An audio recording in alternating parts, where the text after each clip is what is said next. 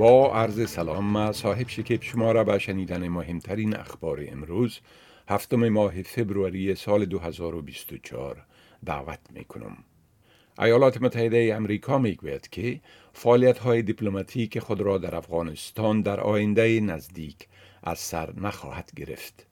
ویدانت بتیل معاون سخنگوی وزارت خارجه امریکا در یک کنفرانس خبری در پاسخ به سؤال گفت موضع وزارت خارجه واضح است و آن این که هیچ گونه پلان را برای آغاز مجدد فعالیت دیپلماتیک خود در افغانستان ندارد.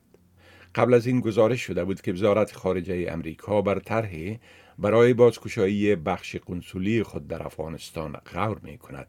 پتیل تاکید کرد که حقوق بشر و برگشت دختران و زنان به مکتب در محور تعامل امریکا با طالبان قرار خواهد داشت. حکومت استرالیا امیدوار است که حمایت اعضای پارلمان را برای آخرین بخش اصلاحات روابط صنعتی و کارگری خود از طریق انجام مذاکرات با آنها به دست آورد. بخش دوم لایحه موسوم به بستن خلاها شامل تغییر تعریف کارگاهگاهی یا کیجول افزایش حمایت برای کارگران موقت معروف به گیگ ورکرز و مقررات برای حقیقت رابطه کاری است. حکومت برای تصویب این لایحه به حمایت اعضای مستقل یا غیر وابسته به احزاب عمده پارلمان نیاز دارد. کلیر اونیل وزیر امور داخله استرالیا می گوید که مرحله سوم کاهش مالیات اقدامی است که به همه خانواده هایی که در جریان بحران جاری مخارج زندگی با مشکلات مواجه اند کمک خواهد کرد.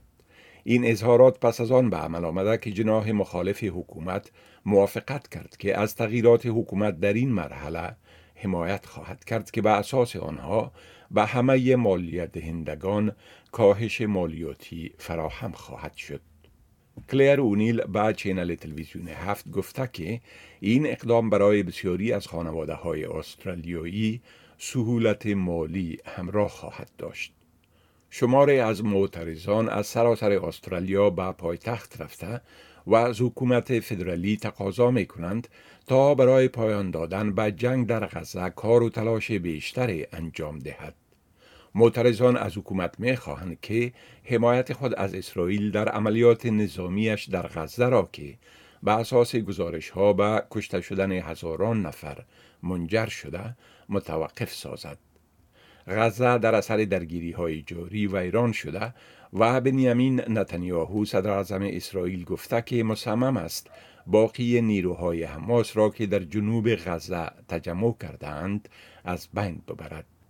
جو بایدن رئیس جمهور ایالات متحده امریکا تایید کرده که حماس به پیشنهاد آتش بس برای جنگ در شرق میانه پاسخ داده است اما می‌گوید که در پاسخ آنها کم اضافه روی به نظر می رسد.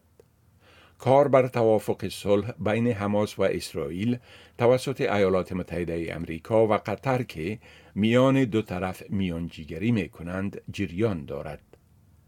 پیش از این مقامات قطری گفته بودند که پاسخ حماس به این پیشنهاد مثبت بوده است. میلیون ها نفر در سراسر ترکیه یک سال پس از زلزله فاجعه باری که بخش های جنوبی این کشور در نزدیکی سرحدش با سوریه را تکان داد در مراسم عزاداری عزیزان کشته شدهشان در آن حادثه گرد هم آمدند.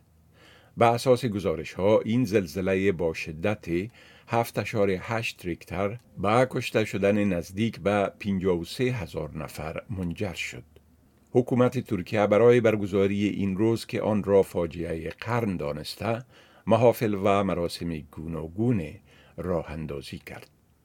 این بود خلاصه از مهمترین اخبار از برنامه دری اسپیس آدیو. شما می توانید گزارش های بیشتر درباره موضوعات گوناگون را در وبسایت ما به آدرس sbs.com.au دری بشنوید و بخوانید.